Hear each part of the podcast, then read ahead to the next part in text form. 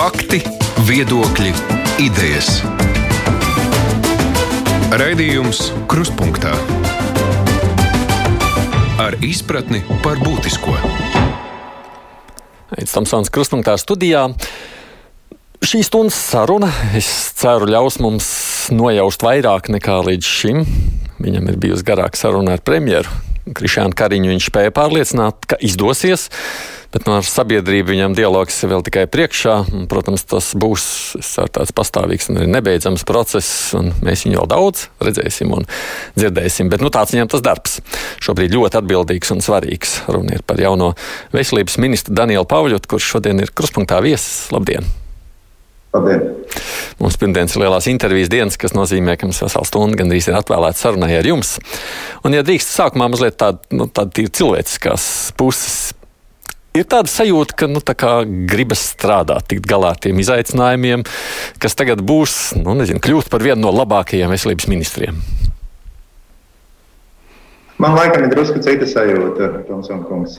Man ir sajūta, ka mēs, visa valsts, visa sabiedrība, esam ārkārtīgi grūtā un smagā situācijā. Un, uh, paralēli tiem ierobežojumiem, um, nērtībām, tiem drošības pasākumiem, ar kuriem mēs visi uh, saskaramies. Un es gribu izmantot iespēju uzreiz pateikt paldies visiem, kas šos ierobežojumus un šos drošības pasākumus ievēro.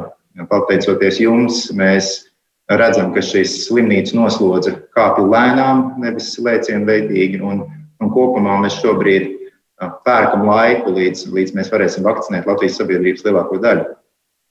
Bet nu, jāsaka, ka um, tā situācija ir tāda, ka to patieso trauksmi, kas valda slimnīcās, to, kā ārsti cīnās par cilvēku dzīvībām, ja mēs varbūt ikdienā dzīvojot, nenojaušam, domājot par to, kad un kā mēs nopirksim to vai citu trūkstošo lietu, kas ir vai nav tajā vai citā preču sarakstā. Kopumā jau īstenībā tā situācija valstī ļoti nopietna, pat ja mēs katrs to tik labi pats neieraugām. Un tā ir tā sajūta, kas manī dominē. Tā ir tā sajūta, kas nosaka manu rīcību. Nu, no tajā pašā laikā no jums ir ļoti daudz arī atkarīgs no tā, vai mēs ātrāk vai vēlāk tiksim no šādas situācijas ārā. Ne, es negribētu būvēt pārāk lielas gaidas tieši uz manu personu, bet skaidrs, ka veselības ministrs šādā situācijā ir ļoti nozīmīgs postenis. Un, un, tieši tālāk mūsu partija apvienība attīstībai par un mana partija kustībai, kustība par, kuru es vadu, Uh, nešaubījās ne mirkli. Kad ministrs prezidents pieņēma lēmumu, labu vai sliktu, bet pieņēma lēmumu atlaist Ilzu Viņķeli šajā visgrūtākajā krīzes brīdī, mēs nemirkli, nemirkli neapsvērām domu kaut kādā veidā tur vilkt garumā vai ne, nevirzīt ministru un, un, un, un teiksim, šķobīt valdību. Mēs sapratām, ka mums jārīkojas nekavējoties un valstiski atbildīgi, demonstrējot to, ka valdība ir rīcības spējīga un, un ka mēs varam nosūtīt šim darbam citu, citu cilvēku. Mums, protams, bija izvēle, vai, vai iet to Latvijas nu, politikā reizēm izmantoto ceļu, virzīt nepolitisku, nozares profesionāli. Tas būtu viens ticams variants. Otrs, otrs variants bija virzīt politiķi. Politiķi iespējami iespējami pieredzējušāk, iespējami jaudīgāk. Mm. Mēs izvēlējāmies par labu šim otrajam variantam, tā vienkāršā iemesla pēc, ka mūsu izpratnē šobrīd krīzes vadībai ir nepieciešamas uh, spējas, kas piemīt primāri politiķiem. Tas ir runāt ar sabiedrību, runāt ar politisko vidi, uzrunāt ministra kabineta kolēģus, nodibināt labu kontaktu ar, ar, ar ministru prezidentu Kariņu runāt ar saimnes frakcijām un pārliecināt par nepieciešamību veikt tos vai citus pasākumus. Un, un visbeidzot, arī jāsaka, pietiekami liela administratīvā vadības pieredze. Un, man gribētos ticēt, ka visas šīs trīs spējas man pietiekamā mērā piemīt. Es esmu bijis gan ierēdnis, gan ministrs izpildu varā, gan tagad arī ieguvis saimnes kulāru politikas pieredzi, vadot saimnes. Tad jūs arī sevi pats nosaucat par jaudīgu ministru. Es atļaušu šo spriedumu izteikt citiem, bet uh, runājot par, uh, par to, kas šeit ir jāpaveic, protams, ka absolūta prioritāte ir palīdzēt veselības nozarei tikt galā ar šo krīzi. Un es teikšu vēl vairāk, palīdzēt arī visai valdībai, pārnozariski, visām ministrijām mobilizēt visus iespējamos spēkus, lai, lai tiktu galā ar šo pandēmiju un atgrieztos pie, pie normālākas dzīves. Nu, ja runājam par to, kas ir bijis līdz šim, tad vairāk cilvēki jau ir sacījuši, ka iepriekšējā ministra, kas ir Viņķels kundze, ieklausījās tikai tajos, ar kur viņas bija viensprāts un nebija gatava dialogam ar nērtiem partneriem. Tur kā piemērs arī tika saukt ģimenes ārsti. Jūs tā kā grasāties šo ņemt vērā, lai neteiktu līdzīgi arī par jums? Komunikācija būs uh, kritiska, izšķiroša uh, lieta kopumā gan maniem, maniem, manu darbību sekmēm, gan vispār visas valdības un sabiedrības kopējiem panākumiem šajā pandēmijā. Protams, ka politiķim ir jāmācās sarunāties ar visiem, un, un visi spēki būs nepieciešami, lai šo, šo krīzi pārvarētu. Lai izveidotu darboties spējīgu mehānismu, projektu veidu, kā vakcinēt Latvijas sabiedrības lielāko daļu ļoti īsā laikā, būs nepieciešams visu pušu atbalsts. Visu. Tāpēc tā nav izvēle. Mums ir jāvar sarunāties arī ar neērtiem partneriem. Slimnīcām, mm -hmm. ērtiem partneriem, neērtiem partneriem, parlamentu pozīcija, opozīcija, tas nepieciešams. Tur nav izšķirības. Mm. Ģimenes ārsts gan sacījuši viņa uzreiz, ka viņi gribētu arī redzēt no jums pēc iespējas tūdaļ skaidru to vakcinācijas plānu. Jums jau ir skaidrs, ko viņi, ko viņi grib redzēt. Jums ir skaidrs. Es domāju, nu, ka jebkurai iesaistītajai pusē ir, ir vēlme izprast tieši, kā viņus skars šis vakcinācijas process, ko no viņiem gaida, kā organizēt savu darbu, kādi būs pieejamie resursi. Es to pilnībā saprotu. Mēs šos jautājumus aizskārām manā pirmajā darbdienā, piekdienā. Tikšanās ar ģimenes ārstiem šādā tiešsaistes formātā bija viena no pirmajām sarunām, kāda man vispār bija. Un mēs ar abām ģimenes ārstu asociācijām šo jautājumu apspriedām. Protams, ka tā ir tikai pirmā no daudzām, daudzām, daudzām sarunām. Mm. Un, attiecībā uz šo vakcinācijas projektu es gribētu vispirms uzsvērt to, ka ja līdz šim šis projekts ir ticis vairāk uztverts kā tāds veselības nozares, tāds iekšējs jautājums, kas veselības nozarei jārisina, šo es gribētu mainīt pirmām kārtām. Tā ir tā pamatpieeja un izmaiņa, ko es esmu apspriedis gan ar valdības vadītāju, gan ar valsts prezidentu šorīt. Viņi man ir pauduši pilnīgu atbalstu un izpratni par šo pieeju. Tam ir jākļūst par visas valsts, visas valdības, visu ministriju, visu partiju un tā tālāk kopēju valsts mēroga nacionālas nozīmības projektu, kas aptver visas puses, visas jomas. Ko tas nozīmē praktiski? Ko tas reāli nozīmē? Tas reāli tas nozīmē to, ka nevis šo projektu vadīs darba grupa veselības nu, ministrijas, patiesībā veselības nozares ietveros, ja, bet ka šis, šī atbildība ir jāceļ visaugstākajā līmenī. Es aicināšu šodien koalīcijas partnerus veidot un valdībā pieņemt attiecīgu lēmumu jau šonadēļ veidot šim projektam uzraudzības padomu ministru prezidentu vadībā politiskā līmenī. Veidot projekta vadības biroju, ņemt palīdzīgā un ņemt darbā cilvēkus, kas strādās tikai vienīgi ar šo projektu. Un, un pieredzējušas projektu vadītājus, komunikācijas vadītājus, IT vadītājus, ja, kas varētu šo projektu profesionāli novadīt tādā ātrumā, tādā līmenī un ar tik daudziem šobrīd vēl nezināmajiem faktoriem, kādi mums ir. Es aicināšu visas valsts pārvaldes sadarboties un koordinēt darbības, lai, lai mums viss izdotos. Mēs aicināsim palīdzīgā padomdevējus no tām jomām, kur ir mums vajadzīgie profesionāļi - loģistikā, loģistikas organizēšanā, protams, arī medicīnas jomā, attiecībā uz komunikāciju, attiecībā uz tām pašām IT tehnoloģijām. Ja, šis būs visas valsts mēroga projekts Un mēs, protams, tādus rīkojam. Mēs zinām, kā Latvijā šāds projekts īstenībā. Nu, pāris detaļas šajā kontekstā no jūsu sacītā. Piemēram, viena no lietām, ko premjerministrs ir sacījis intervijā Latvijas avīzē, kas šorīt ir publicēta, ka viņš, piemēram, apsvērs ar jums un runās par to, vai nevar iesaistīt, pieņemsim, armiju šajā vakcinācijas procesā. Es nezinu, viņš ir jums ar to runājis, un kāda ir tā jūsu? Es esmu par to runājis. Tas arī bija mans ierosinājums, ka mums būtu jāizmanto visa iespējamā visas zināšanas, kādas Latvijā ir šādu sarežģītu projektu īstenošanai un konkrēti teiksim, loģistikas apgādes izvēršanas jomā mums varētu būt lieta noderīgas gan, gan armijas plānotāju prasmes, ar to, par to šonadēļ runāšu ar aizsardzības ministru, un, un tāpat arī arī iespējams arī kādas loģistikas iespējas. Protams, ka pašai armijai jau arī būs jāvakcinējās, un, un militāro ārstu spējas būs vajadzīgas šai laukā, bet mēs izmantosim visu atbalstu, visu palīdzību un visas zināšanas, kas būs pieejamas. Ģimenes ārsti arī ir sacījuši, protams, ka viņiem ar tiem resursiem, kas ir nepieciešams pie tā pašreizējā vakcinācijas plāna, viņi nesaprot, kā to var vispār izdarīt. Tas nozīmē, jūs sakāt, ka viņiem arī būs vienalga no kurienes, bet būs cilvēki, kas nāks talkā, lai viņi var īstenot to savu pacientu aprūpi un pie reizes vakcināciju? Es pilnīgi saprotu, runājot tieši par ģimenes ārstiem. Mēs eh, šo jautājumu nepārprotami uzrunājām mums tajā pirmajā sarunā eh, pagājušo piekdienu par to, ka ģimenes ārstiem jāturpina nodrošināt primāro veselības aprūpi saviem pacientiem savās praksēs paralēli šim vakcinācijas procesam. Bet ģimenes ārsti ir tikai viena sastāvdaļa tajā lielajā kopējā vakcinēšanās, brīvprātīgas vakcinēšanās projektā.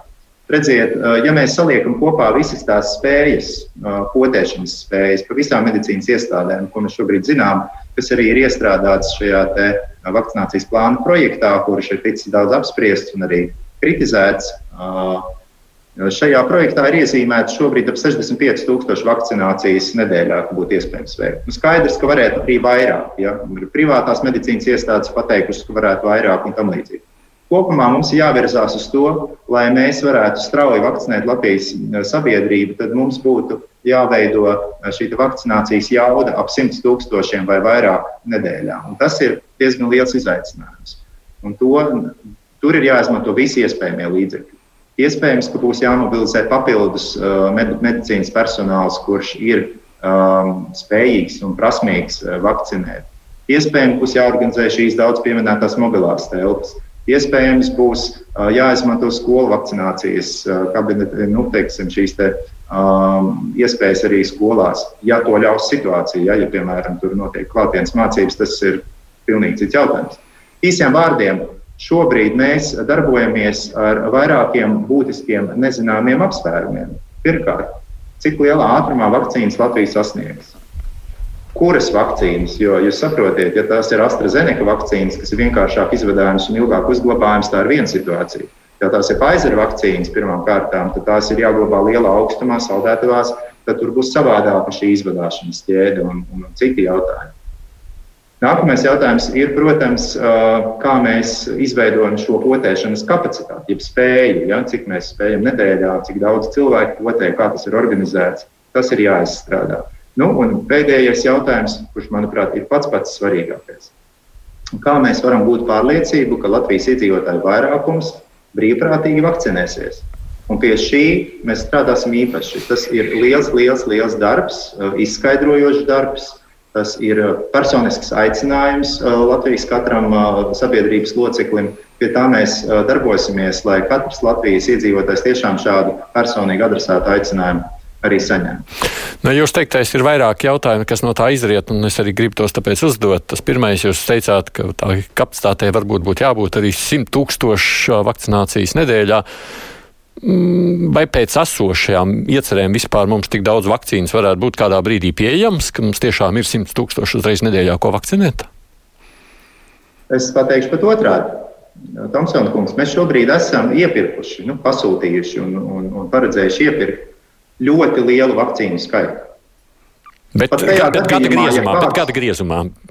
Pat tad, ja nu, es šobrīd, diemžēl, nevaru parādīt bildītas, mm -hmm. esmu veltījis nedēļas nogali, lai ar, ar sev pazīstamiem analītiķiem saliktu kopā tādu uh, piegāžu prognozi un saprastu, kā tas varētu izskatīties pa stabiņiem, ja teiksim, pa, pa kvartāliem, pa, pa ceturkšņiem, pa nedēļām.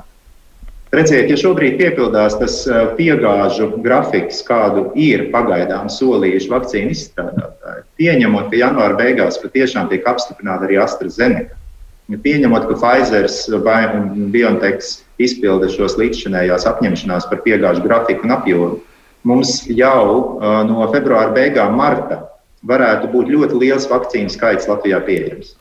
Un tajā brīdī var veidoties situācija, kas ir gluži pretēji šī brīža situācijai ka vakcīnu mums ir ļoti maz. Var gadīties, ka mums viņas būs diezgan daudz, un tad mums būs jāspēj viņas lielā uh, tempā izpotēt. Un tad ir tas jautājums, kāda ir tā maksimālā sistēmas jauda, ar kādu mēs varam vakcinēt. Tieši tāpēc ir jāsaprot, kā mēs šādu jaudu 100 tūkstošu nedēļā vismaz varam uzbūvēt. Pie tā mēs tuvākajās dienās strādāsim, modelēsim, runāsim ar ģimenes ārstiem, privātiem mediķiem, armijas mediķiem, ar zobārstiem, ar ginekologiem, ar visu, ko vien vajag. Mēs runāsim, lai saprastu, kādā veidā mēs šādu jaudu varam uzbūvēt. Jā, vai mēs iesim to ceļu par ģimenes ārstu praksēm, uz, uz ko nu, puse no tās jaudas šobrīd ir uzbūvēta, pieņemot, ka tās ir ģimenes ārstu prakses. Varbūt, bet varbūt mums ir jāiet arī mobilo telšu ceļš. Varbūt mums ir tas jārisina savādāk.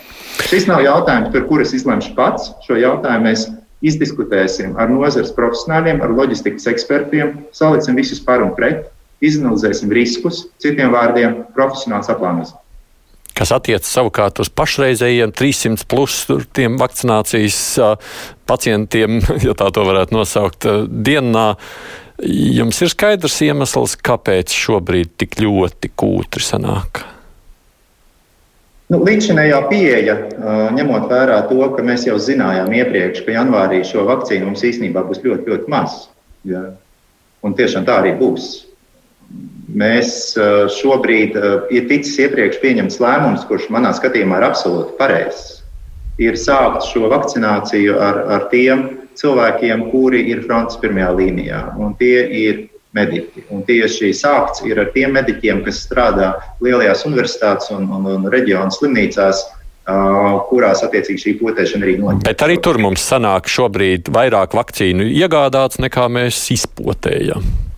Nu, jā, nu, vēl ar vienu noliktavās ir krājums, drusciņi ir, bet pagājušajā nedēļā līdz svētdienai ieskaitot šie stacionāros strādājošie, slimnīcās strādājošie mediķi, ārsti un māsas un ģimenes ārsti, kurus sāk potēt nedēļas nogalē kopā, ir sapotēti gandrīz 7000. Vēl drusku mums ir vakcīnas, ko sapotēt, bet ļoti daudz mums arī vairs nav pagaidām palicis. Mērķis šobrīd izsludināt šo visu mediķu potēšanu bija panākt, lai mums veidojās rinda un, un lai mēs strauji potējam atbilstoši potēšanas kabinetu spējām šonadēļ. Ja, lai, lai nebūtu tā, ka mums stāv pustukši šie kabineti un, un sabiedrībai rodas dibināts jautājums, kāpēc mediķi nevēlas potēties. Es esmu drošs, ka šis pieprasījums būs, ka mediķi pieteiksies aktīvi no visām dažādām profesijām, zobārsti un, un ķirurgi un, un, un ārstu palīgi un citi, no privātām, no publiskām uh, medicīnas iestādēm. Un, un, un tad, attiecīgi, mums jau būs rinda tam nākamajam brīdim, kad pienāks nākamā krava. Mēs jau skaidri zināsim, kurš grib potēties. Vakcinēšanas gaita būs daudz raitāka. Tas nozīmē, ka šobrīd tāds īsti apzināšanās pēc nepieciešamības mobilizēties tā līdz galam nebija. Redziet, jebkurš ārsts jau arī ir tikai cilvēks, aizņemts, noguris, tostarp arī riņķī klīst visādi informācija un, un visādas baumas un, un dezinformācija. Un tas mūs visus ietekmē. Mēs jau redzam, ka, piemēram, tieši Daugavpils slimnīcas gadījumā tas ir bijis īpaši sāpīgs notikums. Ar to mums ir jāstrādā. Mums ir eh, tagad uh, Ilza Viņķele ir, ir uh, atstājusi vienu lielu izdarītu darbu, ir pabeigts pēc ilgām mokām un iepirkuma procedūru izpildīšanas, ir, ir noslēgti līgumi ar komunikācijas aģentūrām, ir nauda komunikācijas uzsākšanai. Un šobrīd aģentūrām tiek dots darba uzdevums uzsākt šādu vakcinācijas skaidrošanas kampaņu. Un šādi komunikācijas atbalsta pasākumi ir ārkārtīgi nepieciešami, lai radītu uh, zinātnē un patiesībā informācijā balstītus, uh, balstītu komunikāciju par vakcinēšanos, tās jēgu, par biežāk uzdotiem jautājumiem un, un tā tālāk. Tā kā šie pasākumi ir iekavēti, nenoliedzami.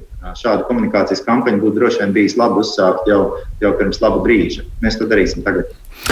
Par vakcīnu pieejamību vēl mazliet. Premjeras intervijā Latvijas avīzē manā piemins pieminētā saka, ka jūs esat solījis noskaidrot, kāpēc mēs esam pieteikušies uz tik maz vakcīnām. Kā jūs to grasāties darīt? Nu, kopumā, ja mēs raugamies kopskaitu, kopskaitu. Mēs esam pieteikušies uz visām iespējamām vakcīnām, ko mēs esam varējuši, kā es to saprotu. Īpaši ņemot vērā to papildu lēmumu, kas jau bija manis virzīts šo pagājušo piekdienu, valdība pieņēma lēmumu iegādāties papildus vēl vairāk nekā vienu miljonu Pfizer BioNTech vakcīnu devu. Ja. Attiecīgi, šobrīd Latvija ir kopskaitā ļoti labi nodrošināta. Kas attiecās uz iepriekš pieņemtiem lēmumiem, es esmu izdevis rīkojumu, iesniegt informāciju, pamatojumu, kādā veidā, balstoties uz kādiem apsvērumiem, zinātniskiem apsvērumiem un, un citiem apsvērumiem, ir uh, šis vakcīnu tā dēvētais portfelis, jeb tā izvēle, kuras vakcīnas cik iegādāties Latvijai, kā tas ir ticis izdarīts. Ja? Tas tiks izvērtēts, un ja es konstatēšu, ka tur ir kādas neatbilstības, tad es pilnīgi noteikti to tā neatstāšu. Ko nozīmē to tā neatstāsit? Nu, valsts pārvaldes kontekstā tas, protams, nozīmē attiecīgi dienesta pārbaudas un tam līdzīgas soļus, par kuriem šobrīd būtu mazliet pārāk runāt, bet es esmu cilvēks ar pieredzi valsts pārvaldē un es zinu, kā jādara, kā jārīkojas. Šobrīd mans uzsvars, jāsaka, gan ir cits. Mans uzsvars ir panākt, lai šis vakcinācijas temps pieaug, Mans pienākums ir panākt, ka politiskā vide vienojās un, un saprot, ka šis projekts ir augstākās nozīmes, pārnozarisks nacionāls projekts, kurā visiem jāiesaistās, jāizveido tam atbilstoša organizatoriskā struktūra, jā, jādabū no valdības nepieciešamā nauda. Un, lai mēs varētu, es patiesībā arī lūgšu valdībai papildus laiku, lai šo vakcinācijas stratēģijas ieviešanas plānu, vakcinācijas plānu, rūpīgāk izstrādāt. Tur tiešām ir daudz neatbildētu jautājumu, un, un tos var atbildēt daļēji, var atbildēt labāk droši vien nekā šobrīd, jo ir tie lielie nezināmie. Bet šo plānu noteikti var uzlabot, un, un es tam lūgšu papildu laiku. Es gan arī sapratu, jūs teicāt, ne tikai uzlabot, bet pārstrādāt, ņemot vērā kaut vai jūs sacīto par ģimenes ārstiem, ka nevar zināt, atstāt tos 50% viņiem vai vispār nē. Pārstrādāt noteikti, jā, jo mums, teiksim tā, tas viens no lielākajiem. Uh, Viena no lietām, kas tur ir jāizdara, pirmām kārtām ir, ir manuprāt, ir jāpāriet uz tādu scenāriju plānošanu. Ja mums ir vairāki nezināmie, tad skaidrs, ka mēs nevaram šo, šodien, un pat pēc divām nedēļām, mums vēl nebūs skaidra atbilde uz šiem lieliem nezināmajiem. Tātad mums ir jāstrādā ar vairākiem scenārijiem. Ja tā, tad tā, ja tā, tad tā, un savukārt, ja tā vakcīna struktūra ir seko, tāda, un ja viņas pienāk tad, tad mēs darīsim tā. Nu, var iezīmēt šos ceļus, kā mēs rīkosimies tajā vai citā situācijā, atkarībā no vakcīnu skaita, atkarībā no vakcīnu tipa, atkarībā no Latvijas medicīnas sistēmas spējām uh, mobilizēties un, un sasniegt šo, šo vakcinēšanās vēlamo līmeni, kurus jau pieminēju, kas būtu vismaz 100 tūkstoši potēšanas faktu, potēšanas incidents nedēļā. Cik daudz scenārijā vajag atstāt jautājumu atkarībā no tā, vai cilvēki vispār vakcinēsies vai nē? Jūs jau to pieminējāt un teicāt, ka tā būs viena no jūsu prioritātēm. Tajā pašā laikā nav noslēpums, ka tie cilvēki, kas ir anti, ja pret vakcīnām, ir ļoti skaļi, ārkārtīgi pārliecināti. Viņus jūs vairs diez vai spēsiet pārliecināt, ka vajag vakcinēties, un tā sabiedrības daļa, cik ir svārstīgā, mēs jau arī šobrīd nezinām kā vispār to skepsi pārvarēt pret vakcināciju, to ir jāatstāj kā tādu scenāriju punktu vai nē? Tas viennozīmīgi ir viens liels nezināmais. Es to jau mūsu sarunā šodien minēju, kā, manuprāt, visnozīmīgāko nezināmo. Jo redziet, tas, kas ir atkarīgs, tas, kas ir saistīts ar vakcīnu skaitu un, un vakcīnu tipiem ražotājiem, tas vairs nav pat īsti atkarīgs no mums. Mēs savus pasūtījumus esam izdarījuši, par pagātni izvērtēsim, bet uh, tas ir nosacīti noticis fakts. Ja tur būs vēl kāds iespējas, ko mainīt, par to tad runāsim. Ja?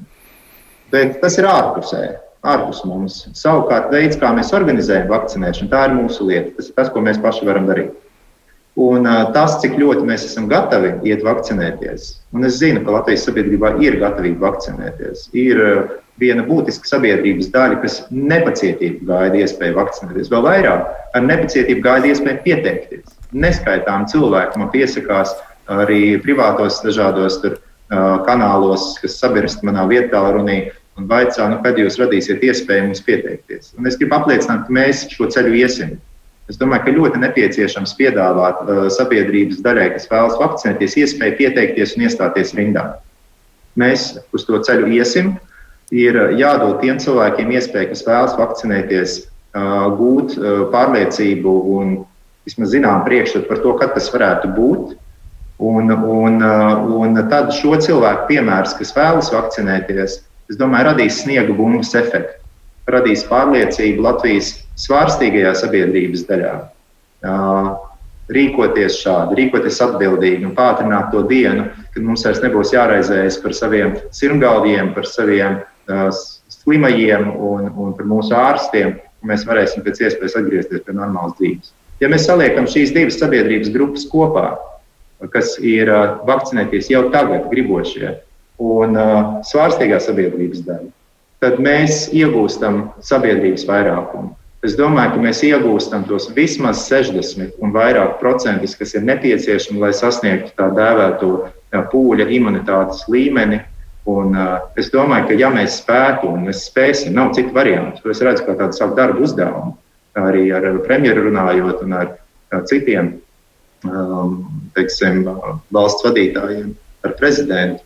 Uh, tas uzdevums ir uzbūvēt tādu uh, vakcinācijas jaudu, lai mēs pēc iespējas ātrāk spētu izlietot visas vakcīnas, kas Latvijai tiks piegādātas, un lai šo pūļa imunitātes līmeni sasniegtu pēc iespējas ātrāk.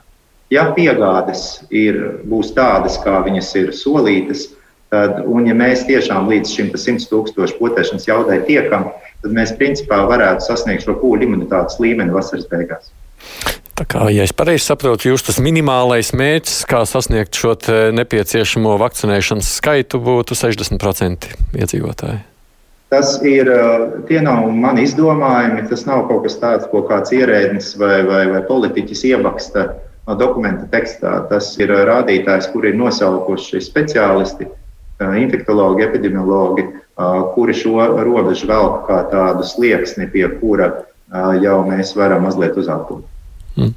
Savukārt, mazliet tomēr vēl par to vēsturi, ko, protams, kā jūs teicāt, izpētīsiet, un kas droši vien nav prioritāte, un tomēr nu, tajā publiskajā telpā. Tas tiek darīts padalēt, un es, to es saprotu. Tā, mēs ar vienu, operā, mēs ar vienu prioritāti vienlaikus strādājam. Nu, tas ir skaidrs, jā, bet tur tās aizdomas par to, ka ir parādījusies viens vakcīnas lobēšana, iespējams, nu, tas ir zināms arī, ka tajā apspriedē ir piedalījušies tikai viens firmas pārstāvi. Jums ir pašam bažas par lobēšanu, un kas no tā būtu tālāk jāizsecina, jo ir jau vienmēr pastāv iespējas, ka kaut kas tāds var atkārtoties nākotnē citās situācijās. Nu, neraugoties uz to, ka ir krīzes laiks un, un būs jāpieņem ātri dažādi un strauji lēmumi, mums uh, labākais ceļš uz, uz uh, visas sabiedrības piekrišanu tiem pasākumiem, kurus mēs piedāvājam un, un īstenojam, būs caurspīdība un skaidrs pamatojums. To nevar atcelt arī krīzes laikā. Un šai sakarā, ja mēs runājam par konkrēti šo vienu vakcīnu tipu, tad nav jau tā, ka Latvija viena pati kā valsts ir, ir, ir izvēlējusies likt lielu uzsvaru uz, uz konkrēto vakcīnu ražotāju. Tas ir arī citvietā Eiropā ir pieņemt līdzīgu lēmumu, un, un, un droši vien nebūtu pamata visas valstis pēc kārtas apšaubīt kaut kādos nezinu, slēptos iemeslos, kāpēc tiek izvēlēts viens vai otrs ražotājs. Šobrīd ir krīze, Un, un es domāju, šādā situācijā, uh, nu, kā lai saka, visi, visi lēmumu ķēdes uh, dalībnieki to brīnišķīgi apzinās. Nu, ja tas tā nebūs, tad es attiecīgi rīkošos. Tad jūs sakāt, jums bažas šobrīd par lobēšanu pašam nav? Man nav nekādu apliecinājumu, ka tas tā būtu. Es saprotu, ka ir bažas cilvēkiem, un ar šīm bažām ir jāstrādā. Tieši tāpēc esmu lūdzis šo situāciju noskaidrot es iepazīšos ar šo informāciju un izdarīšu attiecīgos secinājumus un rīkošos, ja tas būs nepieciešams. Tagad jūs solāt, ka jūsu vadībā ministrijā nekas tāds iespējams nebūs. Es cik tālu tas būs atkarīgs no manis, savas, ar visiem saviem spēkiem centīšos panākt, lai nebūtu nekādas šaubu ēnas par to lēmumu pamatotību, kāda tiek pieņemta. Jo kā to panākt? Mēs sauksim palīgā eksperts no dažādām jomām, mēs iesaistīsim uh, iesaistīsim nevalstiskās organizācijas, cik tas būs iespējams ar, ar tiem laiku un cilvēku resursiem, kādi ir pieejami. Mēs uh, veidosim arī konsultatīvo procesu šim vakcinācijas projektu īstenošanai, cik vien varēs. Uh, es esmu atvērtas un demokrātisku metožu un uh, atvērtas, godīgas spēles piekrist. Jo šis jau nav stāsts tikai par vakcīnām. Vispār jau pēdējo mēnešu laikā veselības ministrija, ņemot vērā šo krīzi, ik pa brīķiem publiskajā telpā parādījušās ir baumas, ieskaitot arī no jūsu pašu um, bijušo kolēģi politikā vidus, sakot, ka nu, tur maskas, piemēram, iepirkt kāda specifiska cilvēka vai uzņēmuma interesēs. Uh, nu, šis pats stāsts arī par uh, šīm te vakcīnām. Kā nodrošināties, kas būs tas, ar ko mēs varētu sacīt, ka nu, jūsu gadījumā šādas aizdomas, nu, ja arī kāds parādīs, tad viņas tikpat izgaisīs. Nu, pirmais un labākais ir rīkoties caurspīdīgi un, un, un saprotami un ievērot likumus. Un, uh, gadījumā, ja mums būs uh, teiksim, kaut kādos veidos, ņemot vērā šos sabiedrības drošības apdraudējumus, uh, jārīkojas kaut kādā izņēmuma kārtā, tad tas tāpat ir jādara likuma ietvaros. Veselības nozare ir uh, nozare ar milzīgu budžetu. Uh, visi jautājumi, kas saistīti piemēram ar farmācijas biznesu, vēsturiski bijuši ļoti smagi jautājumi ar, ar, ar lobismu klātbūtni visā pasaulē. Tas nav nekāds noslēpums. Un, un nu, pat arī, kā jau saka, ārpus krīzes laikiem veselības nozarē par šiem jautājumiem ir, ir ļoti, ļoti jāuzmanās. Šajā krīzes situācijā, manuprāt, izšķir visu tiešām komunikācija. Komunikācija ir sabiedrību, lēmumu skaidrošana, pamatošana. Un, un, jo pretējā gadījumā, ja šīs komunikācijas nepietiek, un es varu saprast, ka tā līdz šim ir bijis, jo, jo krīzi vadīt, tas ir bijis milzīgs izaicinājums. Un, manuprāt, ka Ilza Viņķila ir izdarījusi fantastisku darbu kā veselības ministrs. Gan krīzes vadības pasākumiem veselības jomā, gan attiecībā uz daudzām citām reformām, kas neskatoties uz Covid krīzi, ir īstenotas un sagatavotas veselības ministrijā. Ar visu to var pietrūkt laika komunikācija, pietrūkt jaudas, pietrūkt izturības un, un cilvēku. Veselības ministrijā jau neviens komunikācijas speciālists, cik es zinu, nav nācis klāt tagad krīzē.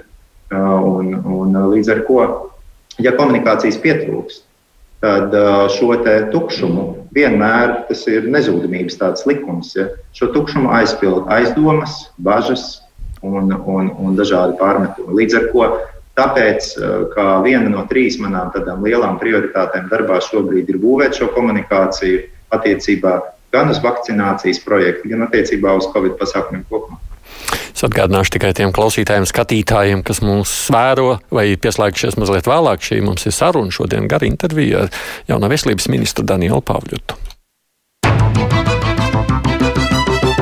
Raidījums Krustpunktā.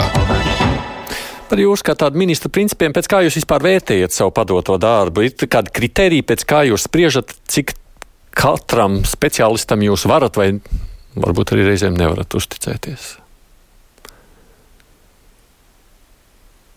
Nu, redziet, es šeit, eh, šajā, šajā ministrijā strādāju pusotru darbu dienu. Un, un es esmu saskāries līdz šim faktiski tikai ar tiem cilvēkiem, kas ir nepastarpināti iesaistīti uh, Covid krīzes uh, pasākumos. Uh, es tiecos vērtēt cilvēkus, es, es tiecos dot cilvēkiem iespēju. Un, uh, es vērtēju viņus pēc padarītā, arī pēc zināmas, pēc sadarbības kultūras.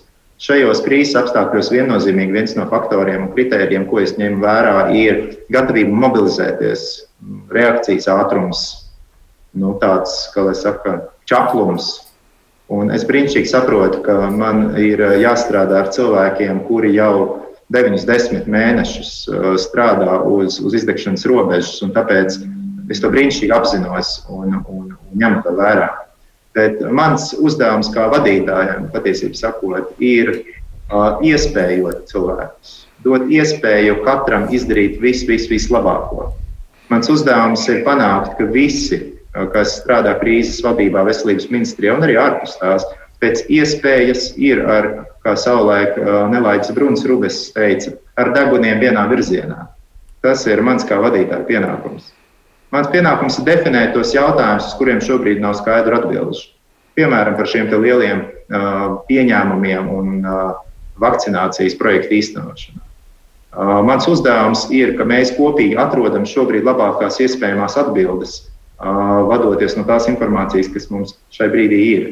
Viest paļāvību tajos cilvēkos, kas strādā ar šo krīzi, un visā sabiedrībā, ka mēs tiksim galā ar mums dotiem uh, uzdevumiem. Un mēs tiksim galā.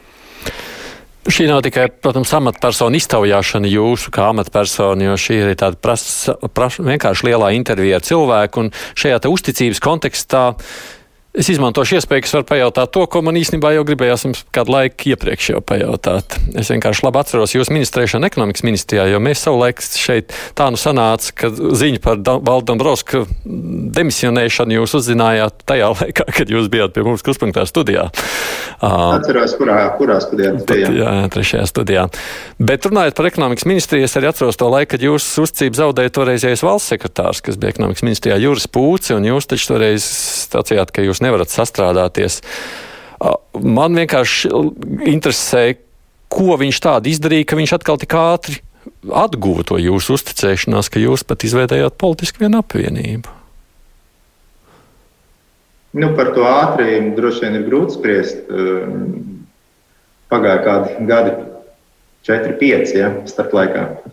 Bet uh, Es esmu par šo jautājumu diezgan daudz izteicies savulaik, kad eh, pirms trim gadiem, kad mēs veidojām partiju apvienību eh, attīstībai par. Eh, un Latvijas politiskajā situācijā, kur ir daudz politisko partiju, kur ir ļoti nu, tāds mazos gabaliņos sadalīts, ja fragmentēts, fragmentēts šī politiskā vide, ir neizbēgami, ka nepieciešams ir sadarboties tiem cilvēkiem, kuriem būtiskos jautājumos sakrīt uzskati.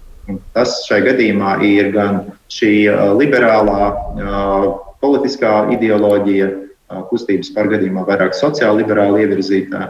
Tā ir šī orientācija uz valsts modernu attīstību un tā tālāk. Šie ir tie iemesli, kas ne tikai mums ar partiju Latvijas attīstībai toreiz, bet arī partiju izaugsme ļāva satuvināties un izveidot līdzīgi domājošu partiju apvienību. Un tas, eh, kāda ir mūsu bijusi personiskā pieredze sadarbībā, kaut kādā ziņā ir jāvar eh, pārvērtēt un eh, nolikt malā, ja tas tiek darīts ar, ar augstāku mērķi, ar nolūku konsolidēt teiksim, liberāli orientēto, moderno, eiropeisko vēlētāju. Un, acīm redzot, vēlētājs to ir novērtējis, jo mūsu panākumi trijās vēlēšanās pēc kārtas ir bijuši tiešām labi. Bet es, nu, gatavojoties arī šai sarunai, vēlreiz pārlasīju jūsu intervijas, kas ir bijušas iepriekš, un kuras es esmu veidojuši arī pirms gadiem desmit. Un toreiz, kad jūs bijāt ekonomikas ministrs, jūs jau sacījāt, ka jums tieši ar Pūtskungu nesaskan uzskati par to, kā vajadzētu strādāt, kā vajadzētu ekonomikai attīstīties, kādi nākotnes soļi, kas nozīmē, tad uzskati mainījušies bija šajo, šo gadu laikā vai no jums vai viņiem? Nu, mums nebija toreiz sevišķi laba komunikācija, tas man jāatzīst. Tā ir viena no lietām, ko es esmu iemācījies šajā laikā. Uh, es esmu arī, kā lai saka, ir pagājuši gadi, es esmu tādā nu, pusmūžā, man ir pāri 40, un es esmu daudz ko savā dzīvē arī pārvērtējis. Ir bijuši arī dažādi likteņu pavērsieni.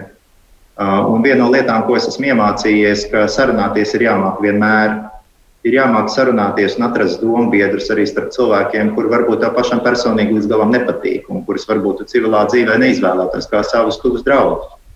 Nav jābūt draugiem, lai strādātu kopā.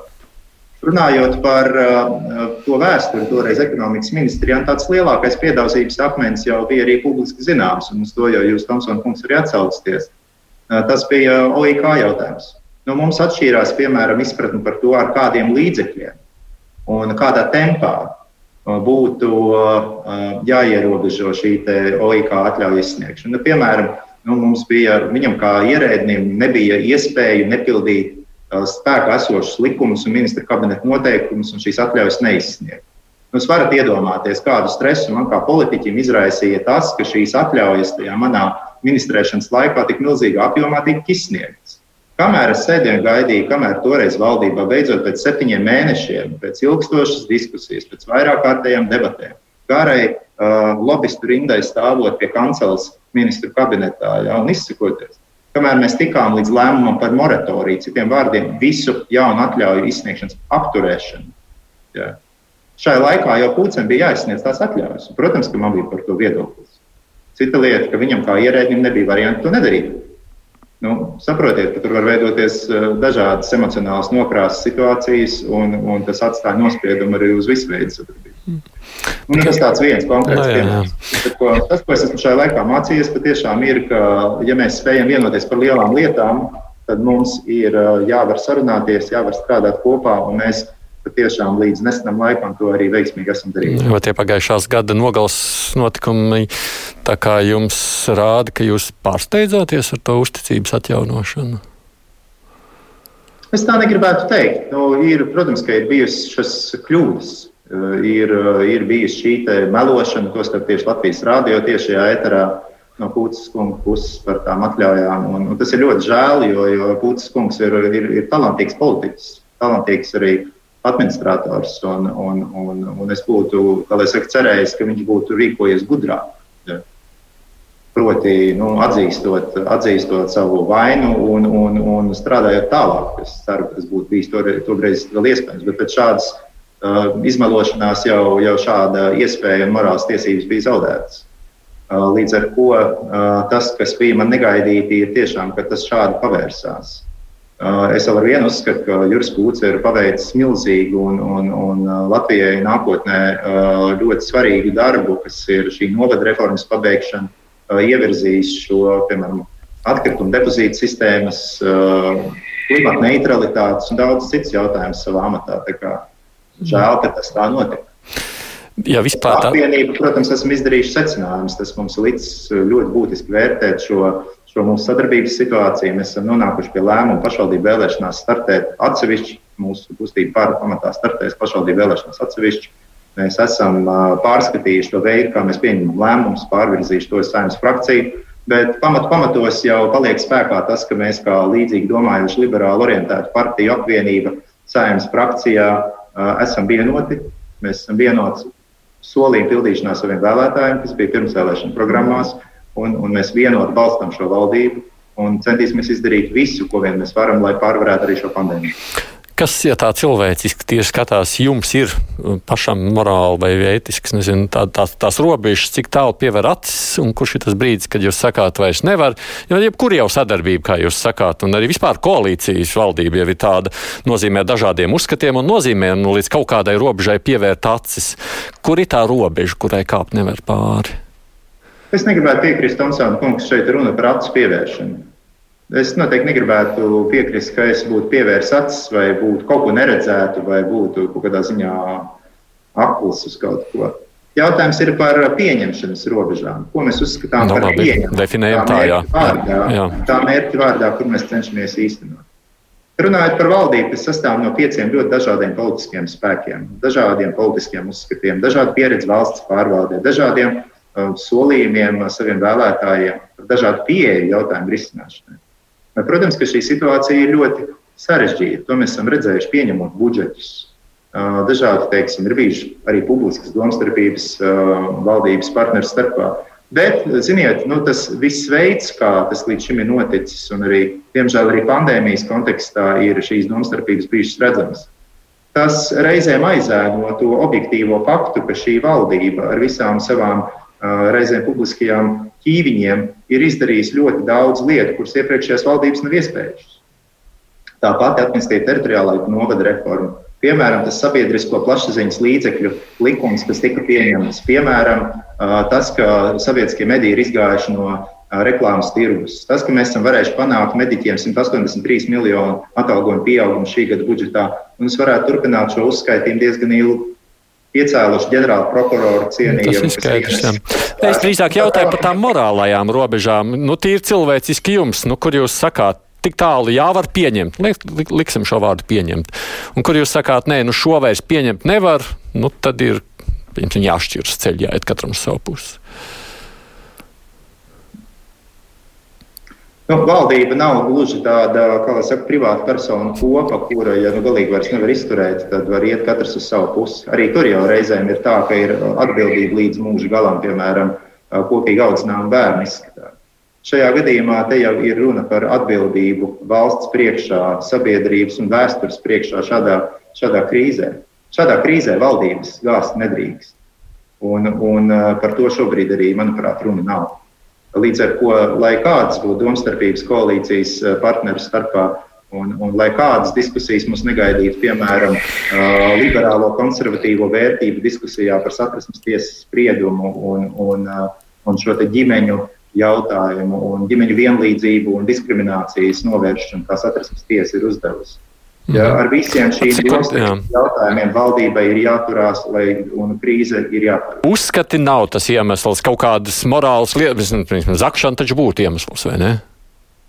Nu, ir, protams, nepārkāpjamas līnijas, eh, kuras ir, eh, kuras ir absolūtas. Patiešām, jā, viennozīmīgi. Mēs jau arī runājot par mūsu apvienības situāciju, esam runājuši.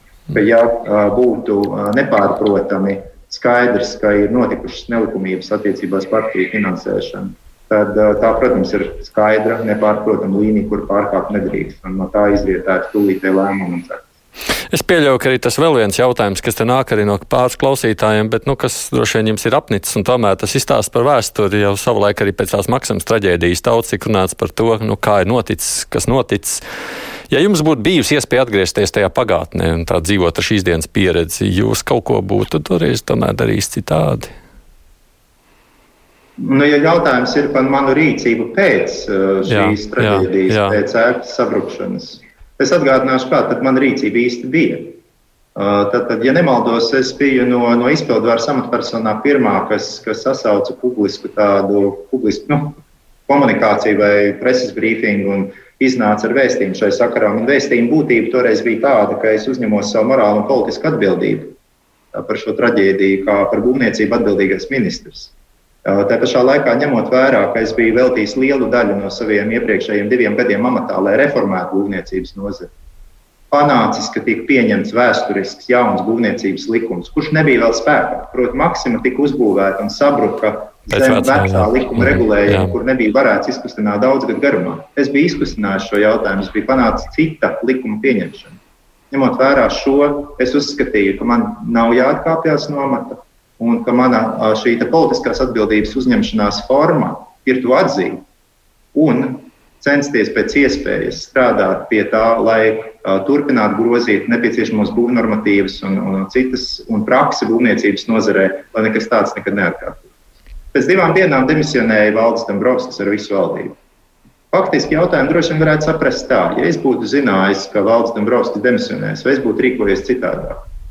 Šodienas acīm es domāju, ka nē, ka es būtu rīkojies līdzīgi. Atzinis šo politisko un, un morālo atbildību un arī tās sāpes, ko es toreiz izjūtu šīs nelaimes priekšā, bet arī vienlaikus arī sakot sabiedrībai, ka es uh, turpināšu darbu, cik vien man būs iespējams, lai tādas situācijas neatkārtotos. Tad tādu jūsu viedokļu arī Dombrovskim nevajadzēja tā rīkoties.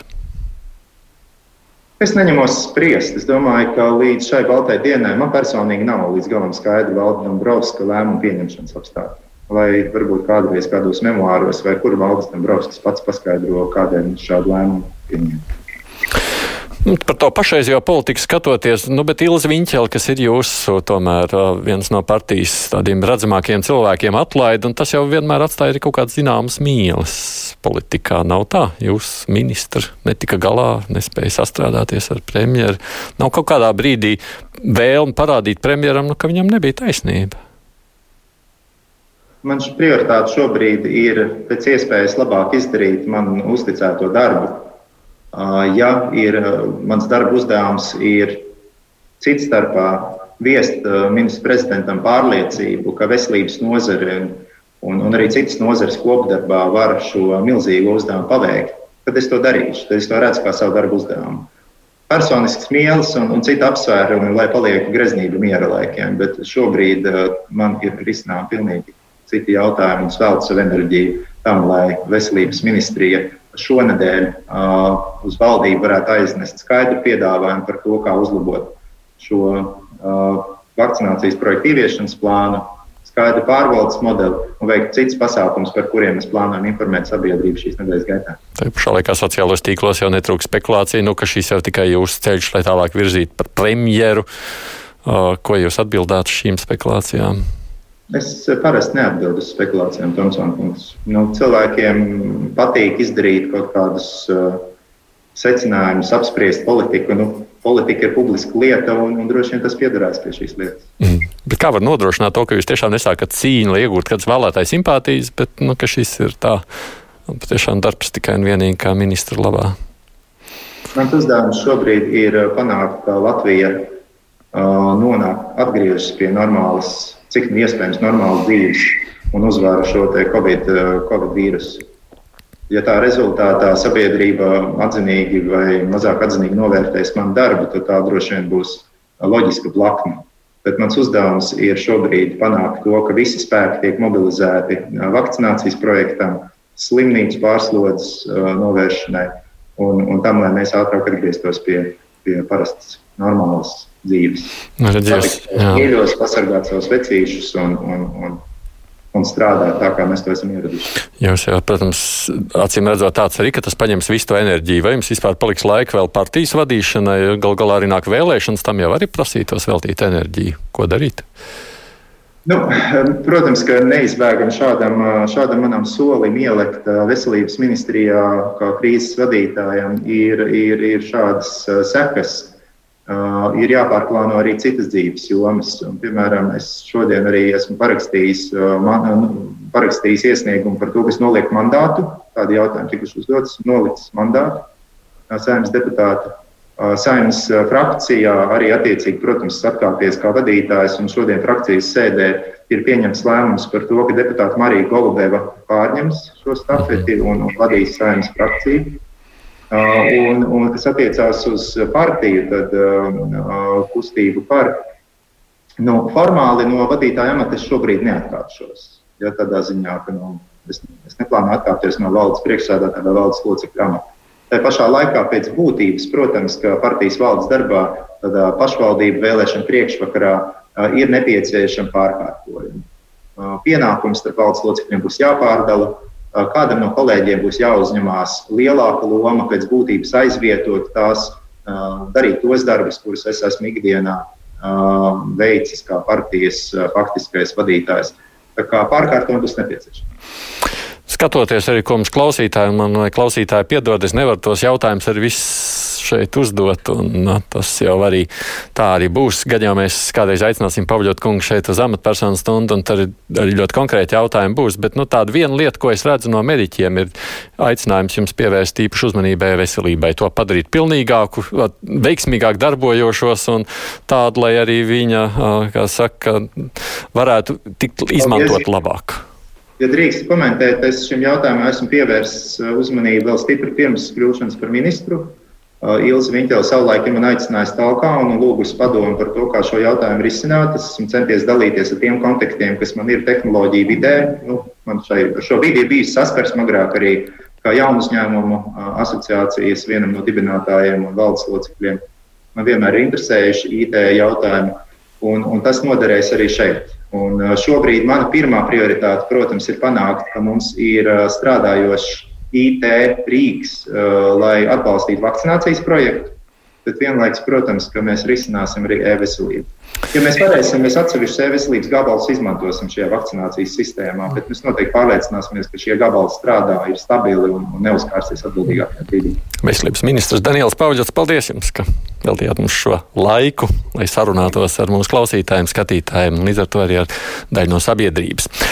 Rīt mēs pievēršamies tematam ārpus Covid, runāsim par to, kas notiek Rīgā ar mājokļu energoefektivitāti. Gal galā arī temats, kas, es domāju, kādā brīdī gribētos, lai situācija tur mainās. Bet kruspunktā šodien izskan producenti jau uzreiz Nevjunām studijā biju es Aidis Tomsons.